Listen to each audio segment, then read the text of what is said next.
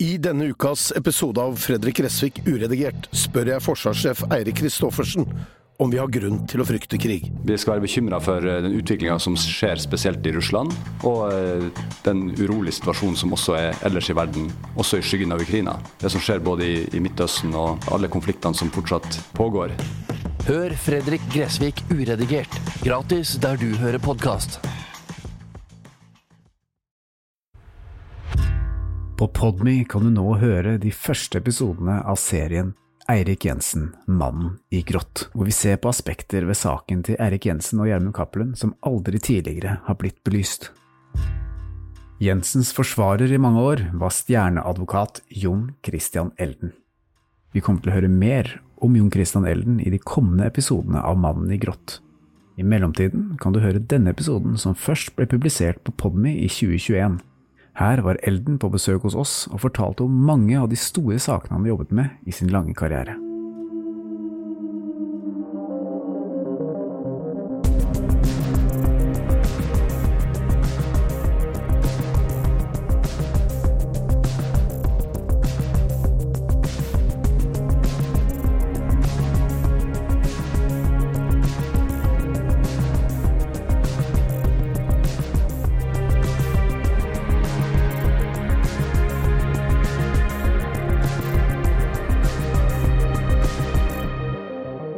Dag har vi fått besøk av tidligere formann i Ullern Unge Høyre, tidligere leder av Oslo gymnasiastutvalg, formann i Det Norske Studentersamfunn, leder i Studenttinget, overformynder i Oslo kommune, økonomisjef i Operasjon Dagsverk, stortingsjournalist, vitenskapelig assistent ved Universitetet i Oslo, prosjektsekretær for Europarådet, foreleser ved Politihøgskolen, fagansvarlig for strafferett og straffeprosess i Store norske leksikon, redaktør i Rettens Gang, redaktør hos Lovdata, leder av kontrollkomiteen i Forretningsbanken Bank2. Han er fast deltaker i programmet Åsted Norge på TV 2. Han er frimurer, tårnseiler, kommandør av Den gylne gris og æresborger av staten Nebraska i USA. Men i dag er han her for å snakke om sitt virke som forsvarsadvokat. Velkommen, Jon Christian Elden. Takk skal du ha. Jeg hører jo veldig mye på Misjonen-podkasten, og Atle Antonsen og Johan Golden de har liksom gjentatte ganger sagt at eh, hvis du har Elden som forsvarer, da er du skyldig. Stemmer det?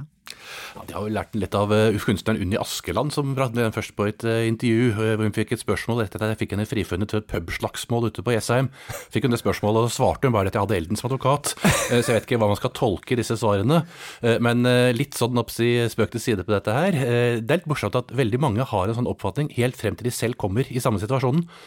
og plutselig blir de beskyldt for et eller annet som de jo ikke har gjort, og da skjønner de jo ingenting. Og da kommer de løpende. Så jeg har jo masse si, politifolk og dommere som tenker at uh, de, vi vil jo aldri straffefulle på en måte, vi, inntil altså plutselig politiet også står på deres dør. Ja, jeg tenker at uh, vi trenger vel advokat snart, så da kommer sikkert vi løpende, vi, vi også. Ja, og Er du da skyldig? uh, spør du alltid klienten er du skyldig eller uskyldig? Jeg spør aldri klienten om det. Klienten får fortelle det klienten ønsker å fortelle meg. Altså, det er ikke min oppgave å dra en forklaring i den ene eller andre eh, retning. Jeg hører hva de har å si. Du har vært forsvarer i veldig mange store profilerte saker hvor det har vært veldig mye som har stått på spill. Eirik Jensen-saken er f.eks. en sak. Hvordan er det egentlig å ha det ansvaret? De kommer til deg, de er fortvilet, eh, det står kanskje om resten av livet, og så skal du på mange måter være den som Uh, skal sørge for at dette går bra, eller i hvert fall så bra som mulig. Hvordan, uh, hvordan er? Det må jo være ganske tøft? Det er tøft, i hvert fall når det er alvorlige saker hvor det står mye på spill. Eh, enten fordi at det er personlige forhold i saken som står ting på spill, eller langstraffer som står på spill. Det kan være stigma i forbindelse med en del saker. Og det er klart at du har et ansvar for hva du jobber med da.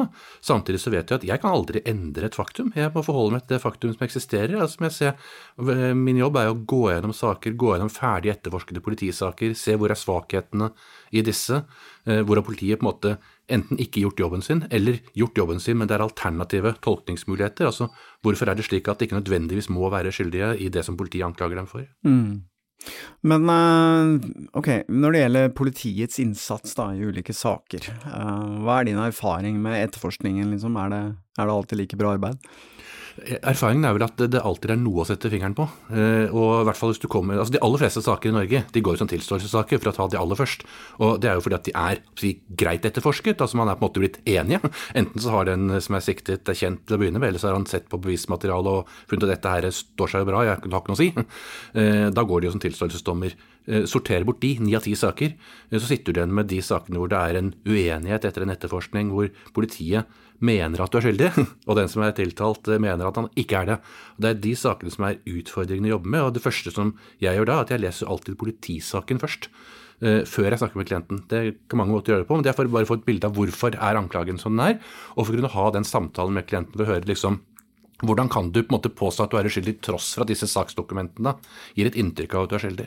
Og Det er der veldig mye kommer opp. og Jo mer de står på dette, sier at det er feil. Altså, så vil jo jeg bli tvunget til å gå inn og grave mer på enkeltfeltet. ikke sant? Hvordan kan dette ha seg at det kommer sånne delkonklusjoner hvis du mener det ikke stemmer? I mange tilfeller vil jeg tenke at ok, jeg hører hva du sier, eh, du får si det samme til dommeren, jeg tror ikke du blir trodd.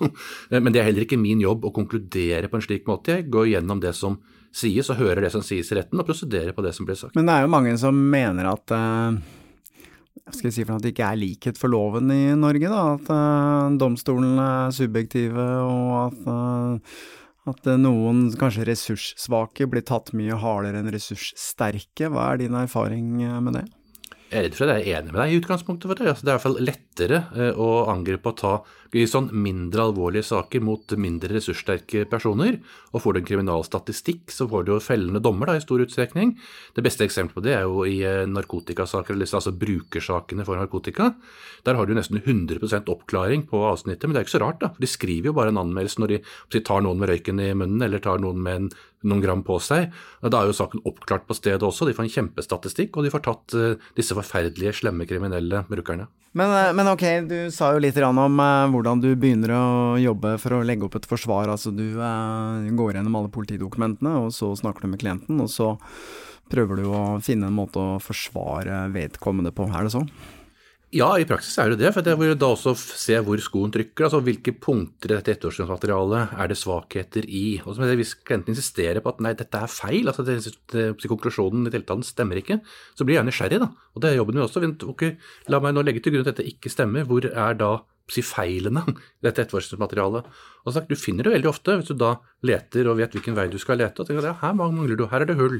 Her er det andre alternativer som foreligger, og vips, så peker du uh, pilen i en annen retning. Det er litt sånn som å se på amerikanske detektivfilmer. ikke sant? Altså, Den innlysende personen som du alltid har i løpet av de første fem-ti minuttene av filmen, er det jo aldri til slutt. Nei, det er noe med det. Man liksom skal legge all skylda på en man vet er uskyldig, sånn at seeren skal tro det, da. Men bruker dere da privatetterforskere og sånn, da, for å, for å avdekke andre fakta i saken, eller hvordan er det? Det er et økonomisk spørsmål. Eh, da kommer det an på klienten igjen. Det er, si, penger kan kjøpe deg tjenester. Det, sånn, de kan ikke kjøpe deg et resultat, men de kan kjøpe deg gode tjenester på å få drevet med tilleggsetterforskning. Staten dekker ikke privatetterforskere for uh, forsvarsadvokater, slik at da er du avhengig av at klienten har vilje og råd til å gjøre det. Mm. Uh, men det hender i flere større saker at vi har brukt det for å få Eh, tilleggsopplysninger eller tilleggsundersøkelser eh, foretatt, særlig der hvor politiet på en måte ikke har vært villig til å gå videre. Men den primære gangen vår er når vi leser og ser at ok, her mangler det ting, så går vi tilbake til politiet eh, og sier at vi vil gjerne ha etterforsket videre det og det og det. At det hender det av og til at det er punkter vi tenker at det her foretar vi en undersøkelse på et spor som ikke er ettergått. La oss sjekke det først, holdt jeg på å si, før vi spiller det inn. Fordi at det er klart det er aldri forsvarerens oppgave å bibringe eller skaffe bevis mot egen klient. Nei. Så man skal alltid være forsiktig, naturligvis. Men det er klart at vi har mange klienter som sier at de gjør akkurat hva du vil, for de er ikke skyldige, de er ikke redd for noen ting. Ok, da går vi til politiet, da ber de foreta tilleggsundersøkelser. Og det, og det er enkelt. Politiet gjør som uh, Elden advokatfirmaet uh, sier. Eller? Hvis, hvis det er eh, si, seriøse begjæringer, ja. Eh, så er jeg ennå til gode å få dem avslått. Ja. Eh, det er klart, Kommer det en sånn liste her er 20 etterforskningsskritt jeg vil du skal foreta som koster masse penger og som ikke har noe resultat, så vil det nok være lettere for politiet å si nei. Men i de fleste sammenhenger så skjønner jo politiet selv at når forsvareren ber om noe, det på en måte virker fornuftig, så vil de stå veldig dumt ut i retten og stå der uten dette og få spørsmålene hvorfor har dere ikke gjort sånn og sånn og sånn. På samme måte som politiet eller aktor av og til kan gå andre veien. Hvis jeg står i retten og plutselig liksom stiller de spørsmålene første gang i retten, for jeg spørsmål bak hvorfor har du ikke tatt opp det med oss før, så kunne vi undersøkt det. Så blir det litt sånn, kan kaste ball på hverandre. Men det er alltid sånn i strafferetten da, at politiet skal beføre bevisene, slik at uh, min jobb er å peke på manglene. Og det, etter læreboken så skal jeg da ikke behøve å ansette noen privatdetektiv, for jeg skal ikke behøve å motbevise noe. Men i den virkelige verden så er det jo sånn at man tror at noe har skjedd, inntil man på en måte ser at det er konkrete holdepunkter i en eller annen retning for at det ikke har skjedd. Ja, så sånn sett så er det en fordel å ha god råd, da, hvis man blir eh, anklaget for et eller annet. Det vil i hvert fall ikke være en ulempe eh, i forhold til å kunne forberede og si, jobbe med sakene, fordi at det er alltid ting det kan arbeides videre med. Men sagt, man, blir, man, går ikke fra å være skyldig til uskyldig ved å bruke mye penger på etterforskning, hvis man først er det. Altså, greier, da greier du ikke å finne bevisene på at du ikke har gjort det. Mm. Hvis du får en overbevisning om at personen som du forsvarer, faktisk er skyldig, hvordan går du frem da? Jeg synes Det er kanskje mest teori, for det er veldig sjelden at jeg har sagt foreta egne undersøkelser og finne resultatet på at klienten er skyldig. Eh, men eh, si, teoretisk sett, om jeg skulle gjøre det Teoretisk sett, om, om, du slumper over et eller annet som ja, så, så er svaret fryktelig enkelt. Jeg har taushetsplikt. Altså slik at eh, Det er aldri min oppgave eh, å legge frem bevis som taler mot egen klient. Eh, det er aldri min, opp, det er aldri min oppgave å prosedere på at vedkommende er uskyldig. Det er min oppgave å prosedere på at dette bevisbildet politiet har her, det holder ikke til å domfelle. Og Det er to helt forskjellige setninger. Og Det er livsfarlig for en advokat, i hvis du skal drive med flere enn én sak, å gå inn i en sånn felle og begynne å argumentere min klient er uskyldig-argumentasjonen. For da får du jo spørsmål i sak, neste saken. Hvorfor sier du ikke det her, da? Og hvorfor går du på bevisbildet her, og ikke på liksom at han er uskyldig? Eh, og jeg har jo kollega Cato Schjøtz som hadde Orderud-saken opprinnelig, og dette er jo vet at man mange ganger etterpå også, han er godt kjent med historien, så det er ikke noe baktaling. Eh, men når han var ute, eh, så var jo ikke han erfaren som strafferettsadvokat. Og han gikk ut da og var mer eller mindre alibi for sin egen klient, og gikk god for at Per Orderud er uskyldig. Er klart at En slik uttalelse fikk jo i hvert fall mange erfarne forsvarsadvokater til å slå opp øynene. for hva, hva, sa han egentlig nå? Og Hvis jeg skulle si det i én sak, skal jeg si det i de ti neste sakene også. altså hvor, hvor, Når kan jeg være vitne for klienten? Det kan jeg ikke være. Nei, så du kan egentlig bare forholde deg til fakta i saken og ikke noe annet. Jeg, jeg kan aldri mene om en klient er skyldig eller uskyldig, og heller ikke på radio eller TV når jeg blir intervjuet. Så liksom, er klienten din skyldig dette her? Det, det er ikke opp til meg å vurdere. Jeg kan si hva han eller hun sier, mm. hva han eller hun hevder rundt det, og jeg kan få gjenta det. og Jeg kan tro på det mer eller mindre selv, for å si det sånn. Det er egentlig ganske uinteressant, fordi at eh, jeg er ikke dommer i sakene. Mm. Eirik Jensen-saken var jo veldig profilert, gikk jo over lang tid og endte jo ikke så bra for, eh, for Eirik Jensen. Men uh, hvordan var det å være forsvarer for han? Var det krevende? Det var en veldig krevende jobb, fordi at den inneholdt så vanvittig mye saksdokumenter. Uh, og det var jo nesten alle norske kriminalsaker, altså narkotikasaker, som hadde passert gjennom Oslo politidistrikt de siste 20-25 årene, var jo en del av våre saksdokumenter. Og når du satt med en sak hvor det ikke var noe avgjørende fellende bevis, Eh, og hvor da oppgaven var å sette sammen, så følte jo mange ganger at vi satt i retten med en sånn mentometerknapp som liksom gikk fra den ene siden helt til venstre, andre siden til høyre fra dag til dag, eh, på, eh, på skyld, ikke skyld osv., hvor masse smådetaljer som i seg selv var helt uinteressante, allikevel ble med, og ble avgjørende på å avsi en fellende dom. Og det sier jo egentlig alt i den saken at man fikk en frifinnelse med en jury, på den måten man skal ha med jurysystemet, som da skal vurdere et bevisbilde som mannen i gata vurderer, er man sikkert ikke sikker, før man da fikk en tilsidesettelse på noe som ikke fagdommeren har noe med, eh, og før man da fikk en fellende dom igjen eh, i lagmannsretten eh, til slutt. Så det er jo en sak hvor bevisbildet er høyst uklart over denne sammensetningen. Og da er det veldig viktig at forsvareren er på si, hugget i løpet av hele saken. Og når det er så lang sak, så sier det seg selv at det var en veldig krevende sak. Men vi hadde også en veldig engasjert klient eh, som hadde bestemte meninger hele tiden om si, hva som skulle gjøres, ikke gjøres, og hva man burde gå videre på. Og Et typisk eksempel på en klient som sier at du kan gjøre akkurat hva du vil, ta alle undersøkelser du vil, kalle inn alle vitner du vil. Altså, jeg har ikke gjort dette her, eh, slik at jeg er ikke redd for resultatene. Mm. Eh, og Sånn så er det jo fritt for oss å jobbe, eh, samtidig som det var en krevende situasjon. Ja, for Da jeg fulgte den saken, så stussa jeg jo litt over f.eks. av at uh, Cappelen, som egentlig var liksom kjent som en notorisk løgner, han ble liksom han ble sannhetsvitne for uh, Spesialenheten og hadde ganske mye å vinne på det. Han fikk jo kraftig strafferabatt. Og, og, dette her med pengene, at han skulle tjent så mye penger, de fant jo ikke Altså det overforbruket var jo egentlig veldig lite i forhold til uh, så mange år det var snakk om, da. Ja, og det rareste med den saken var kanskje når det gjelder denne såkalte narkotikamedvirkningen, var at alle de konkrete anklagene som var fremsatt mot Jensen under etterforskningen fra Cappelen, og dels også fra andre personer, om at han hadde gjort sånn og gjort sånn. Alt det ble tilbakevist i eh, rettssalen. Det står ikke igjen at han hadde gjort noe konkret i hele tatt. Det som sto igjen, og som dommen bygger på, er at han angivelig hadde gitt et tilsagn til Cappelen om at han skulle gi ham beskjed hvis han kom over opplysninger om at han var under etterforskning. Men det hadde han jo aldri vært, derfor var det aldri gitt noen beskjed. Men det var altså en psykisk styrke. Slik altså Alle påstandene om at han hadde vært på grensen og klarert grenser, sendt sol- og værmeldinger for å klarere innførsel osv., alt det falt jo. og Ingenting av det står igjen i dommen til slutt. Det som står igjen er altså at han var en person som hadde sagt seg villig til å være tilgjengelig ved behov, men et behov som aldri dukket opp. Og Det er jo nesten en anklage som det er umulig å motbevise. Mens alle de konkrete tingene som var der, mener vi altså at vi fikk veldig godt uh, motbevist gjennom prosessen. Men likevel så fikk han altså lovens strengeste straff. Hva sier det om rettssikkerheten i Norge? Jeg var jo med på å anke denne saken til eh, Høyesterett. Jeg mener at dette beviskravet lagmannsretten la til grunn ikke er holdbart. Eh, men de brukte de magiske ordene, som det heter.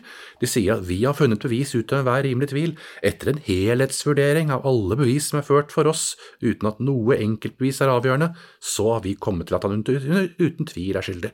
Og da er Høyesterett litt sjakkmatt, eh, fordi de kan ikke prøve bevisene igjen. De kan bare prøve om lagmannsretten har gitt en begrunnelse og brukt beviskravene riktig. Eh, så jeg, jeg, jeg, har nok en større tiltro til den første lagrettavgjørelsen der, ut fra det bevisbildet som foreligger, altså der hvor de frifant, enn den siste avgjørelsen hvor de domfelte. Den juryen de sa at han, han er ikke skyldig i innførsel, men han var skyldig i korrupsjon. Hvordan kan det henge sammen? Det er helt uproblematisk rettslig og faktisk sett ut fra saken. Det var også en del av rettsbelæringen til eh, lagmannen at det var fullt mulig å dømme han for korrupsjon og ikke for medvirkning til eh, narkotikainnførsler. Eh, og det kunne man etter lagmannens oppfatning dels gjøre på hans egen forklaring, for at han forklarte at han hadde mottatt en klokke ved en anledning som var levert tilbake sent. Han hadde fått bistand til å få bygget dette badet, selv om han mente at Cappelen ikke hadde betalt noe av det. Mm. Og begge de delene kunne i seg selv rammet av korrupsjon uh, uten at det er noe bruke ordet mer alvorlig uh, enn det. Uh, og da kunne han kanskje fått, da, si fått et år eller to i fengsel basert på det som han faktisk selv hadde forklart seg om, fordi han hadde gått for langt ved enkelte anledninger, slik man vurderer dette i ettertid. Og det var nok til at det kunne bli en korrupsjon? For ellers så ville det jo bare vært en gave fra Cappelen eventuelt, da? Ja, det ble jo eh, rettsbelært på at eh, selv om det var en klokke Det var, det var en, mobiltelefon. Eh, en, selv et mobiltelefon til 4500 kroner, som han jo sa at han hadde mottatt. Denne såkalte krypterte mobiltelefonen som det er mye snakk om i eh, saken. Ja. Eh, ja. men så han da hadde, hadde, rent faktisk mottatt og hadde brukt, selv om det var undersøkt videre av politiet senere. Altså, det ble rett på at selv det alene eh, var nok til å tilfredsstille vilkårene om at han var skyldig i grov korrupsjon. Eh, og da sier man egentlig at ok, ut fra din egen forklaring så er du skyldig i dette, men det er liksom ikke det som var det alvorlige i saken. Så det er ikke noe vanskelig med jurysvaret. Det kan forklares med at man faktisk har trodd på Jensen, eh, og at han ikke var skyldig og ikke hadde med narkotikavirksomheten til Cappelen å gjøre. Og det er jo paradoksalt, som du var inne på, at dette pengebeløpet det er snakk om, det eksisterer altså ikke. De har gransket økonomien hans som, med lys og lykte eh, fra 93 og fremover eh, til han ble arrestert. Eh, gått gjennom hver eneste betaling han har hatt, kontanter og kort, og via familie og via damer, altså hva den er for noe. Og så har de kommet med totalregnestykket. Og det kommet med totalregnestykke som sier at de mener at han i løpet av perioden skal ha brukt ja, mellom 1 til 2 millioner mer enn de kan redegjøre for. Og Så kan du sammenligne det da, eh, opp mot si, din egen økonomi. Jeg tror du vil finne et større tall enn det. Skattemyndighetene de godtar mye større avvik enn det på en 10-10-årsperiode uten at de mener det er noe mistenkelig. Eh, og så kan du sammenligne det opp mot påstanden til Cappelen om alt det han skal ha mottatt, som altså ikke det er noen spor etter, på tross av en så grundig eh, gransking gjennom så mange år. Mm. Dere jobber jo nå videre med denne saken eh, via Farid Boras, eh, som jobber på ditt kontor. Stemmer. Hvordan, hva er planen videre der nå? Nei, Nå holder han på å se på spørsmålene om gjenåpning sammen med Jensen. Eh, Jensen er naturligvis veldig opptatt av eh, saken, opptatt av fremdrift.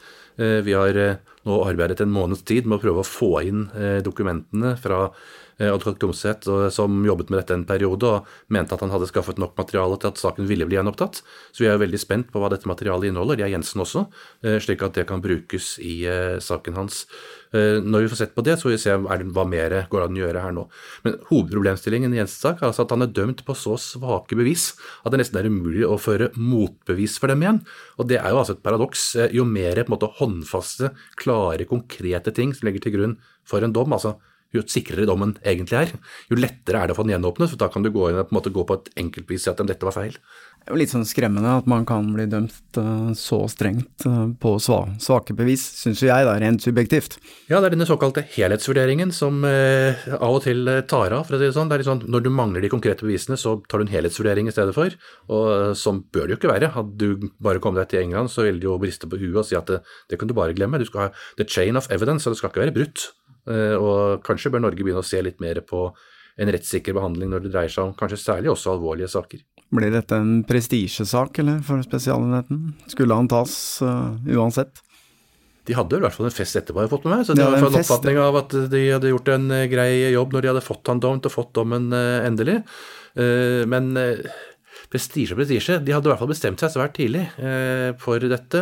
Og når siktelsen ble tatt ut, når det ble sendt en innstilling på en tiltalebeslutning som bygget altså på et bevisbilde som jo etterpå ble revet fra hverandre. Fordi at ikke noe av det som lå til grunn for siktelsen og den tiltalen, er altså lagt til grunn i den endelige dommen. Han har på en måte snudd oppfatning når Cappelen har snudd oppfatning underveis. Cappelen starta å snakke om at han fikk grønne lys og klareringer, eh, til å plutselig eh, snu den opp ned i retten og si at eh, nei, men han skulle få røde lys eh, hvis det var, mulig, hvis det var eh, hinder for innførsel, men han fikk ingen røde lys, og derfor var det ingen meldinger som hadde betydning. Altså det er klart at Når du snur bevisbildet opp ned og likevel sitter igjen med en dom, så er det jo noe som ikke helt henger på greip, da, sånn prestisjemessig. Mm. Men hva skal til egentlig for å få en sak gjenopptatt i Norge? Eh, hovedbegrunnelsen er at det kommer frem nye bevis. Det skal være nye bevis som er egnet til å medføre en frifinnelse, eh, når det ses i sammenheng med de bevisene som forelå opprinnelig. Eh, så er det også mulig å få opp en sak på nytt igjen hvis det er noen som har gitt f.eks. For falsk forklaring for eh, retten. altså Man kan på en måte si at noen av vitnene som har vært der, som har hatt en betydning, da, har gitt en falsk forklaring. Det kan komme frem nye typer bevis som kan underbygge f.eks. at Cappelens forklaring er uriktig på en eller annen måte. Sånne ting. Det kan ha betydning. Og så har vi den sikkerhetsventilen som heter en helhetsvurdering etter hvor det skal være grunn til, eller særlig grunn til å tro at dommen er uh, uriktig. Så alle disse tre bestemmelsene er noe som eh, vi uh, ser på, men sagt det er en tung vei når saken er behandlet. og Man skal ikke bare kaste ut en begjæring, si sånn 'jeg er uskyldig, derfor kaster jeg ut en begjæring', for hvis ikke så tror dere jeg er skyldig opplegg. Det kan man ikke gjøre, man må ha en underbygget begjæring.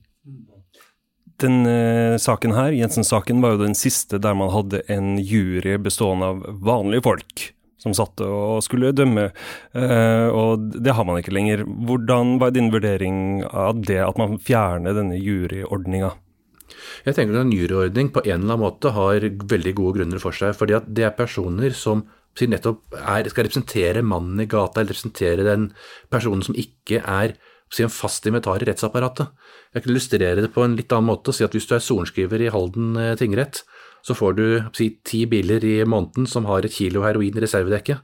Eh, det er klart at Når du har hørt den tiende gangen at 'jeg visste ikke om det dekket', så har du ikke så veldig stor rom for tvil.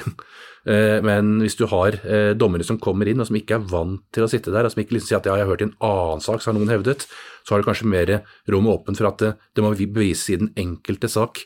Eh, det må bevise at det ikke er en eller annen som gikk av på denne ferjen og på en måte plasserte dette på bilen og skulle ta det ut av bilen senere, f.eks. et motorvogn eller lignende, fordi at eh, du har hørt storyen før. Altså Så man kommer i en situasjon hvor du som profesjonell aktør i rettsvesenet blir mer sånn lar det gå på samlebånd, mm. mindre var for uh, den tvil som foreligger i det virkelige liv.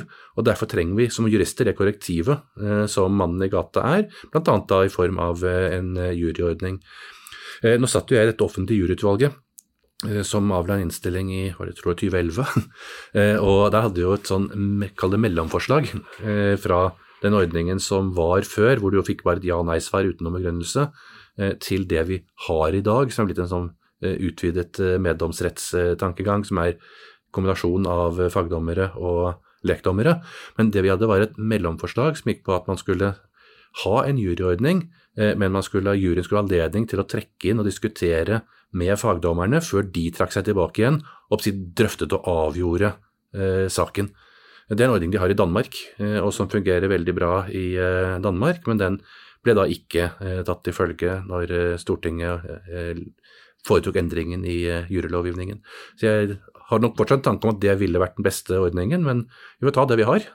Men faren er altså at det som faktisk er rimelig tvil, det som kan skje i det virkelige liv, det forsvinner litt i juristenes hode. Velkommen til Kjemperådet! Ohoi! Vi har fått inn et kjempekleint problem fra Trine Lure 22. Okay. Jeg leser.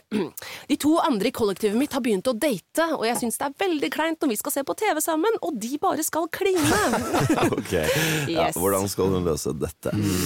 Siden Trine Lure er under 30, får hun jo ubegrenset data fra Telenor fra 399 kroner. Da Da kan hun sette seg på sitt eget rom, streame så mye hun vil på mobilen. Ja, hun kan jo se på nye mobilabonnement på telenor.no. Ja, det er lurt. Med Bosch får du bærekraft som varer. Vaskemaskin som doserer så nøyaktig at den sparer både vaskemiddel og vann. Oppvaskmaskin som bruker mindre strøm. Og kjøleskap som gjør at maten holder lenger. Slitesterke produkter som verken sløser med vann eller energi. Vi i Rema 1000 kutter igjen prisene. Nå på en mengde påskefavoritter.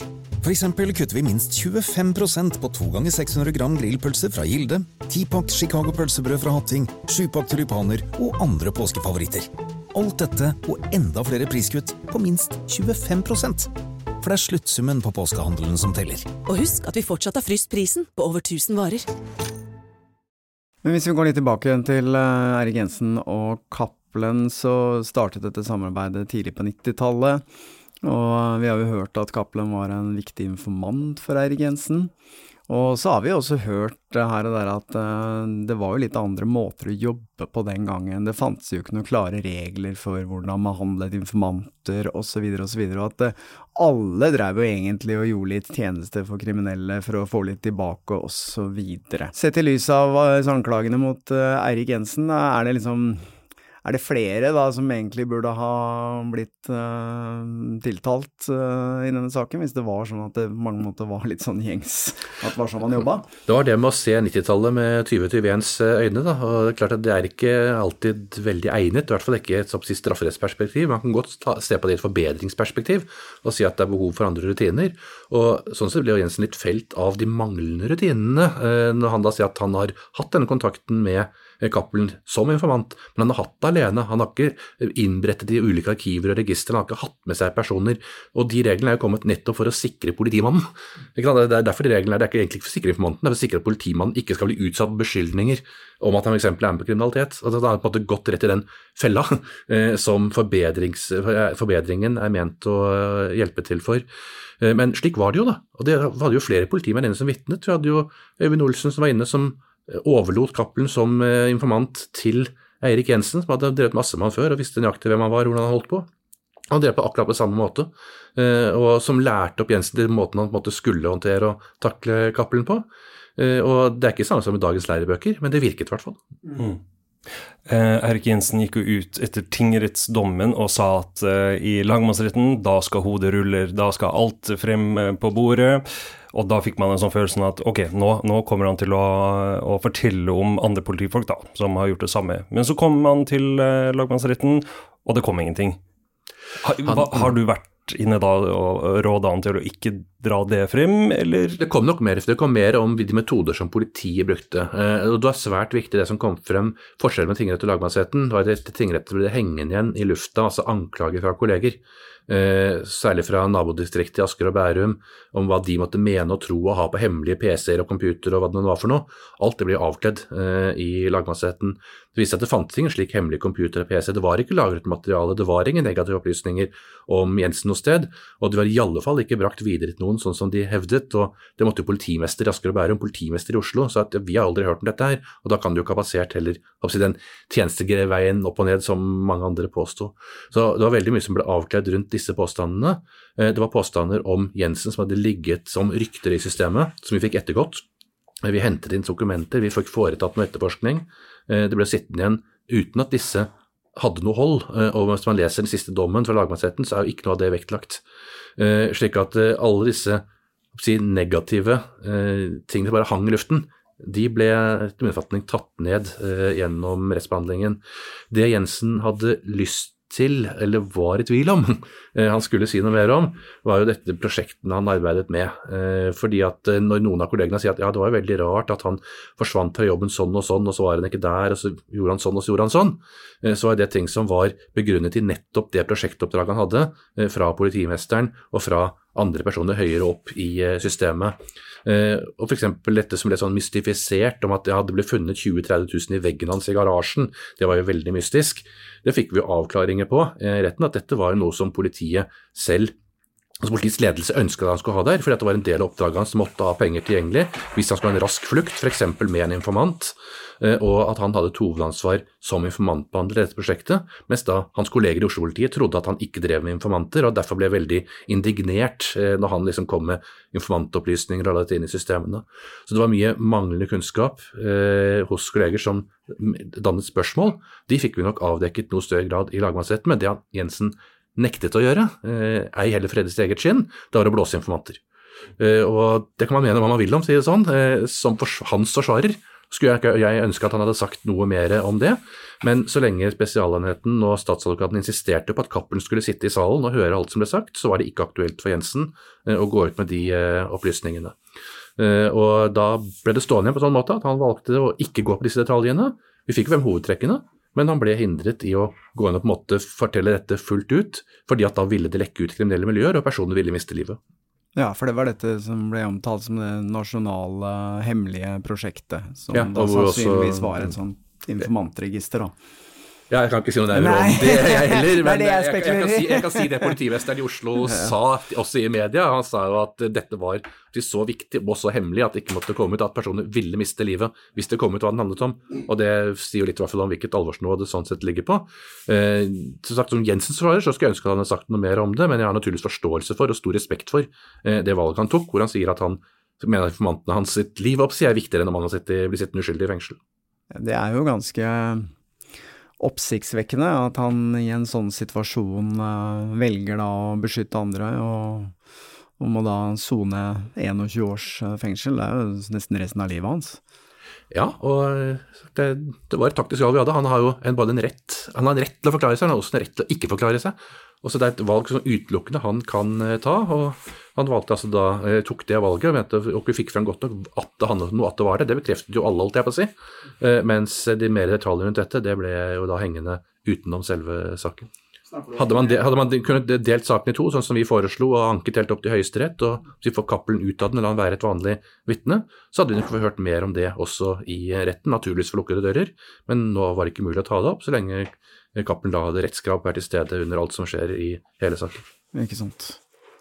Men øh, hvordan er sinnsstemningen hans øh, nå, da? Er han optimist, eller? Han er optimist i den forstand at han er veldig klar på at han er uskyldig, og det er det som holder han oppe. Det og på en måte god kontakt med familie og venner osv. Som, som støtter han. Samtidig så er det klart at når han ser i andre enden og ser på kalenderen, det er ikke så veldig obs det er ikke så veldig positivt å sitte med en sånn Nå er jeg liksom bare 19 år igjen, liksom. Altså, det, ja, for han kan vel tidligst prøveløslates når han er sånn 5-76 år, eller er det noe sånt? En dom på 21 års fengsel tidligst at du skal sitte i minst 14 år. Sånn er systemet vårt, minus varetekten, og så får man ta matematikken. Ja.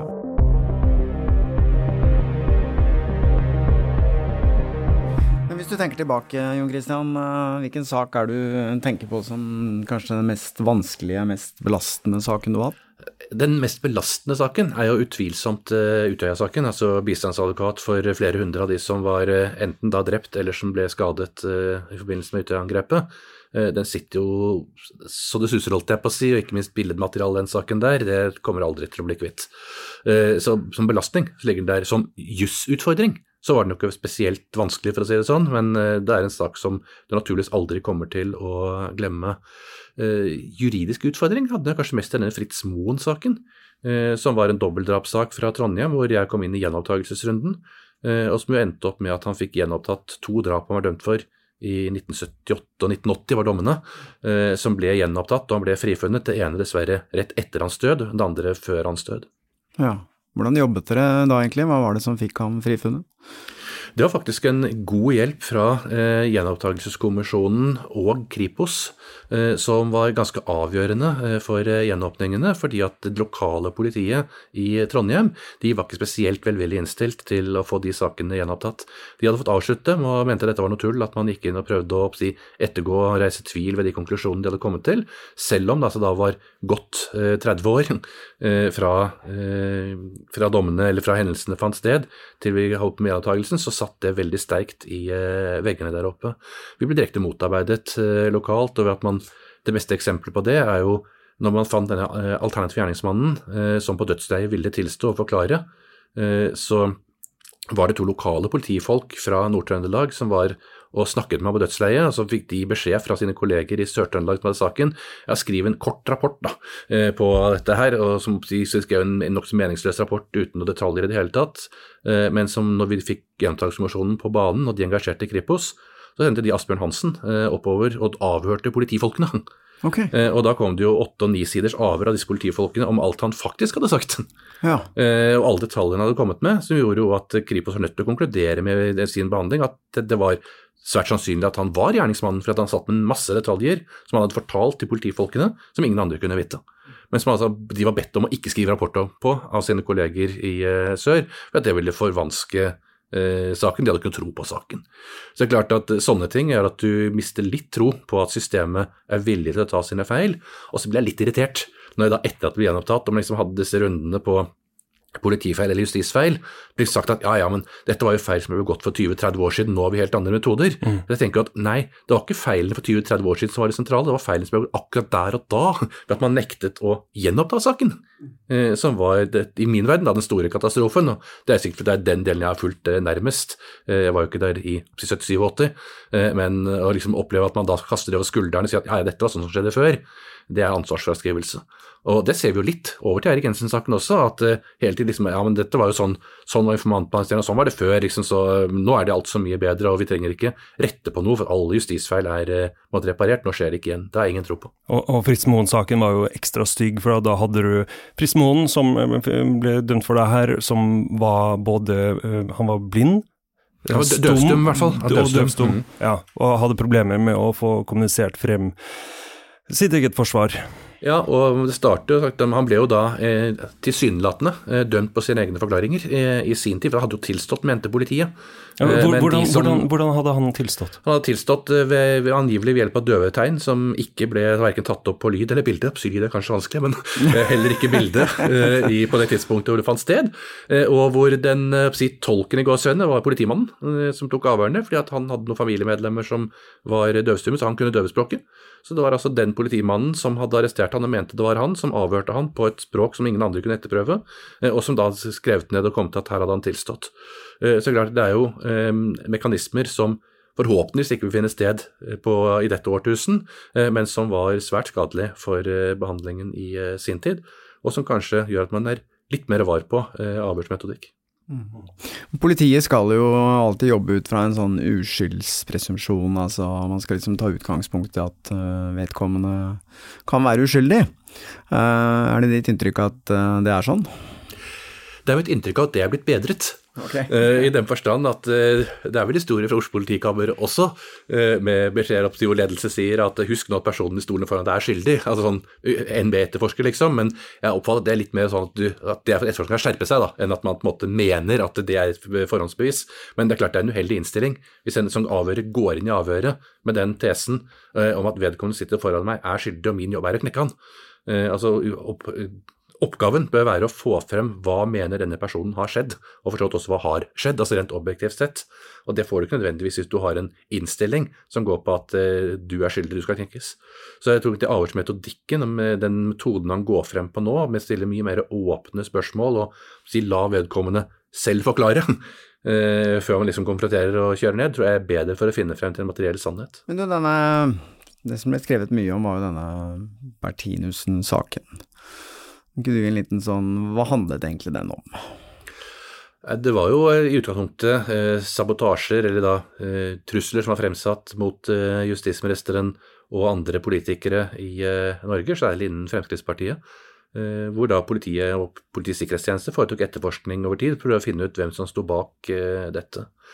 Eh, og dette endte jo til slutt med at de arresterte samboeren til justisministeren eh, og mente at hun var ansvarlig for eh, alle disse eh, truslene som skulle fremsatt gjennom et års tid. Så det var jo en veldig spesiell sak, og fikk en veldig si, uventet rettslig skal ikke kalle det avslutning, men i hvert fall foreløpig oppsummering fra politiets side, når de altså da eh, arresterer den fornærmede i saken og mener at eh, hun skal stå være ansvarlig for dette. Så har vi hatt en runde i retten nå, tingretten, eh, hvor hun ble dømt for mye av dette, selv uten at det forelå konkrete bevis der også på en rekke av disse enkelttilfellene. Hun hadde motbevis på at det var ting hun ikke kunne ha gjort selv, men det fikk retten bare si bortforklart og si at da må hun ha noen som, er, som hjelper henne og som er medvirkeren hennes, uten at de har noe peiling på hvem det kan være. Og så står man igjen med en dom fra tingretten på i underkant av to års eh, fengsel. Eh, Den er anket til lagmannsretten. Der skal den opp til behandling før eh, jul, men den skal være som en begrenset sak. Det er altså straffeutmålingen som er sluppet inn til behandling i lagmannsretten. Eh, Deretter så må man, etter at lagmannsretten har hatt straffeutmålingen, så kan man eventuelt anke både lovanvendelse og straffeutmåling videre til Høyesterett, som må ta stilling til disse spørsmålene. Så det er en sak som er i systemet, eh, uten at vi egentlig per i dag har noen endelig avklaring på den. Den er spektakulær, og den er uvanlig, og den er jo på et nytt rettsområde hvor det ikke finnes noen rettspraksis. Mm. Men hva skulle liksom motivasjonen hennes være for oss å gjøre dette mot uh, sin egen mann, holdt jeg på å si? Hvis du har svaret på det, så er PST glad for å snakke med deg. Fordi det, det savnet vi jo retten også, eh, til de grader. Hva som skulle være motivasjon og begrunnelse for eh, dette. Det var spor som pekte i andre retninger, men eh, etter den såkalte helhetsvurderingen eh, så kom jo da tingretten til at det var hun som måtte ha gjort, eh, gjort dette eh, ved opptil alle anledningene. Eh, Og det kan man reise mange spørsmål med, men eh, Foreløpig har vi fått munnbind, for å si det sånn, okay. på å ikke kunne si så veldig mer før lagmannsretten har behandlet straffemålingssaken. Da får vi komme tilbake til den. Men eh, ikke sånn konkret i forhold til den saken, men det er jo mange som prosederer på f.eks. at man er syk. Uh, man har psykiske problemer osv. Opplever du ofte at det er liksom en del av Forsvaret? Noen mennesker gjør Forsvar, rart. forsvarer skal se på den type Mm. problemstillinger. Eh, hvis du er konkret, så har vi en sak, den saken du snakker om, så har det jo vært en undersøkelse konkret på at det er på en måte ikke grunn til å tro at hun skal ha noe slike brister som gjør at hun skal egentlig være i stand til å stå for dette selv. Altså Derfor henger ikke det på greip. Det kunne på en måte være en enkel forklaring for mange å tenke at ja, ja, men da løser vi det sånn. Litt sånn à la Knut Hamsun, ikke sant. At uh, dette var veldig rart at han holder på sånn, er en nasjonalhelt og det passer ikke helt, så da gjør vi han syk. Uh, men her har jo både hun og psykiater, og ikke minst hennes mann som er rimelig oppegående, er ganske klare på at de ikke ser noen slike tegn. og Det ligger jo da et deres oppfatning i retning av at hun faktisk ikke har gjort det. Og så får vi jo ta det derfra. Mm. Men er det mange som kommer til deg og hevder at, uh, at de gjorde det fordi de var syke? Det, det rare av min erfaring fra dette er at eh, det er de tilfellene hvor vedkommende er mest opptatt av å ikke være syk. At de er syke. Ja, ja, ikke altså på en måte gå og se på de, Følg drapssakene mine bakover i tid, holdt jeg på å si. Eh, De sakene hvor det har vært personer som har funnet virkelig å være schizofrene eller altså ha en psykose, de insisterer jo på å være friske. Eh, Og for dem så er det helt utelukket at de skal ha noe forsvar basert på at de er, eh, er syke. Eh, Men det er forsvarerens oppgave uansett å trekke inn og ha den vurderingen. Du skal ikke følge klienten på det punktet der. Da er du jo bare med på et justismord. Mm. Men la oss gå litt tilbake. Kan ikke du fortelle om din første sak som eh, forsvarsadvokat? Jeg måtte lære å svømme ganske fort for å si det på dypt vann. Eh, Første saken jeg hadde som hovedforhandling eh, omfattet ett drap og tre voldtekter. Eh, så Første saken din? Da første hovedforhandling jeg hadde. og Den hadde jeg i Eidsivating lagmannsrett etter spesialdispensasjon fra første lagmannen, for jeg var fortsatt bare advokatfullmektig. Okay. Men det var fordi klienten insisterte så kraftig på å ha meg i den saken. Jeg hadde fulgt den etterforskningen osv. Så, videre. så det var jo en eh, grei, eller tung eh, begynnelse. Eh, tre uker i eh, gamle lagmannsrettssalen med en gammel og meget ærbødig lagmann som administrator. Så jeg, lærte, jeg lærte å svømme ved det. Men jeg lærte også en viktig ting til, eller to viktige ting til. Det ene er fra etterforskningsdelen. Jeg, jeg, oppdaget virkelig dette med good cop og bad cop-tankegangen. Okay. Da fikk jeg sånn aha-opplevelse under selve hovedforhandlingen, fordi at fra etterforskningen så fikk jeg både et inntrykk av hvem som var hva, og i hovedforhandling så var det motsatt. Så da hadde det skjedd noe. okay. Hvem som hadde oppfatninger for forskjellige ting. Så det sånn, eh, etterforskningstaktisk så fantes den delen i hvert fall i høy grad for å men den er vellykket også, for man fikk jo også på en måte en kontakt, ikke sant. Mm. Eh, Men jeg lærte jo også det at det er mennesker du har med å gjøre. Uh, Og det er veldig viktig. Altså, det er, jeg er på en måte siste personen som dette mennesket som er anklaget for noe, har å forholde seg til. Uh, Og jeg skal i alle fall være menneske overfor vedkommende og eh, følge den siden av eh, personen, uavhengig av hva man har gjort og ikke gjort. Jeg forsvarer aldri en handling. Ja, drap er aldri greit, eh, men jeg kan uten tvil forsvare en drapsmann som vil måtte forklare hva som har skjedd, og som eventuelt også selv prøve å forstå hva som har skjedd, for det er ikke alltid de gjør det. Mm. Men vi har jo også hørt at det er litt sånn knivskarp konkurranse om klientene mellom advokathusene osv. Har du uh, Hvordan er det for dere, liksom? Er dere nødt til å kjempe for å få klienter, eller kommer det av seg selv? Vi har, vi har, vel flere personer inn som kommer som ny klient hver dag enn det vi har kapasitet til å ta imot, så akkurat det problemet tror jeg ikke ligger der i så veldig stor grad. Men vi prøver jo så langt vi kan å ha et lavterskeltilbud, hjelpe alle de som vi kan få hjulpet. Eh, de som har krav på en offentlig rettshjelp, så prøver vi å ta de rettshjelpssakene. Selv om det er dårlig butikk, så er det i hvert fall mennesker som fortjener å få bistand. Eh, og da prøver vi så langt vi kan å dekke det inn. Men er det sånn at du har krav på eh, at staten dekker advokatkostnader uansett hvis du har gjort noe kriminelt? Staten dekker etter en såkalt begrenset eh, timesats, som gjerne er på ja, halvparten tredjedel av en ordinær timesats for advokatene. Dekker et bestemt antall timer, som da er en såkalt stykkprisordning, som gjør at alle skal ha krav på å få en si, minstebistand av rettshjelp hvis man er tatt under tiltale. Før det så er det ganske skjønnsmessig. I noen tilfeller er det alvorlige saker, så kan man få det dekket under etterforskning. Eh, men i de fleste saker så får man det ikke om man må betale for det selv. Men det er altså slik at staten plikter å ha et rettshjelpstilbud for personer som risikerer fengselsstraff i en hovedforhandling, men altså med relativt begrensede vilkår. Mm. Men du driver et stort advokathus, dere er ganske mange? 120 stykker, ja. Så, men er det ofte sånn at når de liksom kommer til eh, Elden advokatbyrå, så vil, eh, forventer alle å få deg, eller hvordan, eh, hvordan, fungerer det egentlig? Det er nok noen som tror at jeg jobber med alle sakene rett med alle sammen. Det er jeg ikke. Det kan jeg ikke være. Og det får de også beskjed om på tidlige tidspunkter. Men jeg har jo notert meg at det er på en måte mange som tror eller mener at jeg skal være i alle saker til enhver tid, og det lar seg nok ikke gjøre, dessverre. Nei. Blir de skuffa da? Nei da, jeg har vel ennå til gode å se. Det er unntatt når man, når man på en måte taper en sak, da er det alltid advokatens skyld. Eh, og da er det gjerne å prøve å finne en eller annen løsning på at man ikke selv er grunnen til at man er dømt i en sak. Det må være advokaten eller andre. Men eh, ser du bort fra det, eh, så går det stort sett veldig greit. Helt til slutt. Er det likhet for loven i Norge? Det er et ganske interessant spørsmål. Jeg kan svare både ja og nei på det. Jeg kan svare ja ved at loven er lik for alle. Men det var vel en av de franske filosofene i sin tid som også hadde en liten historie rundt det, som sier at eh, loven er lik for alle fordi at det er like straffbart som fattig og for rik å sove under broene i Paris, og det er like straffbart for fattig og for rik å dele et brød når man er sulten. Eh, så loven er jo sånn sett lik for alle. Men det er kanskje ikke slik at man har en, et rettssystem som oppfatter det likt for alle, hvis man altså velger på en måte å ta de eh, mer stakkarslige, mer fattigslige, eh, i stedet for å gå etter mer sånn alvorlig kriminalitet på høyere nivå i samfunnssjiktene. Så det er klart at definisjonen av om loven er lik for alle, kan man stille eller svare på på mange måter. Vi har ett lovverk som gjelder for alle. Det har vi.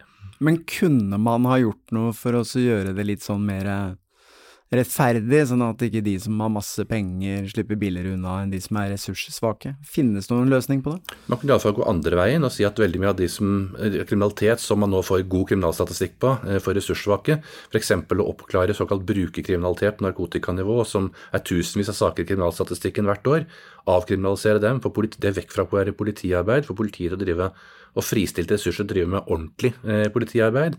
Eh, så hadde det nok hjulpet eh, veldig mye. Vi har ikke, Samfunnet har ikke så veldig mye å tjene på å gjøre folk kriminelle når de egentlig har et helseproblem. Igjen, tusen eh, hjertelig takk. Når vi kommer i skikkelig deep shit-helgen, da får vi løpe til Jon Christian.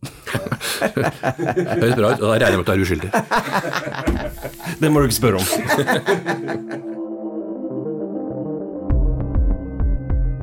Avhørt er produsert av Batong Media. Redaksjonen vår består av Stein Morten Lier, Helge Molvær og Lars Christian Nygårdstrand. Temamusikken vår er laget av Altered States, og hvis du vil høre eksklusive episoder av Avhørt, som eksempel Eirik Jensen, Mannen i grått, gå inn på podmy.no, eller last ned Podmy-appen.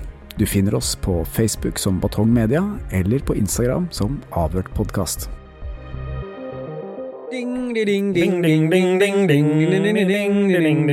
Kanskje vi skal betale for en ordentlig juletrudelutt? Må si at det føles litt sånn rart å sitte her i september og snakke om jul, men det er vel bare kvarter før julemarsipan og julebrusen er i butikken. Åh, jeg begynner å kjenne litt sånn julestemning allerede. Jeg er ferdig med sommeren, det blir litt sånn kaldt ute, så er jeg liksom klar for jula. Det er jo ikke lenge til, det går jo veldig fort. Plutselig så står vi der og øh, opp til knea i øh, Kanskje ikke så mye snø, men øh, i hvert fall oppgaver som skal løses øh, før jul. Julepresanger og alt det der. Handelsstanden er jo veldig ivrig. De som har noe å selge, de som skal pushe ting på folk, de er veldig tidlig ute. Ikke sant? Derfor er vi det òg. Mhm. Vi har lært av handelsstanden at uh, julemarsipan det skal selges fra midten av september. Vi er tidlig ute fordi at uh, vi syns det er viktig å informere om at vi selvfølgelig klinker til med et uh, forrykende juleshow uh, i år også. Det I år er også, den, det, det er litt morsomt at du sier i år også, for det var jo i år vi hadde juleshow. Det ble bare litt utsatt pga. Ja, ja, korona. komme til det, Ok, da, men det jo unnskyld, da kan du få lov til å gjøre det ferdig. å snakke ferdig! her skal du avbrytes. Fortsett. Det vil si var at eh, til forskjell fra i fjor eller i år, for det ble jo januar, så skal vi nå få sjansen til å ha et juleshow eh, før jul i desember, da det skal være juleshow. Vi skal ha masse gjester, håper, hvis vi får noen til å stille opp. Selvfølgelig. Billetter er ute nå, er det ikke det? Det stemmer. Det koster 300 kroner billetten. Det er inkludert eh, alle avgifter, så det er ikke noe skjulte avgifter inni den prisen. Det er på Rockefeller som tidligere. Planlegg julebordet deres eh, deretter. Eh, perfekt eh, supplement til, eh, til eh, ribbe og, og pinnekjøtt. Nei, faen. Nå har vi lite energi. Rockefeller 8. desember. Billetter finner du på Ticketmaster eller på rockefeller.no.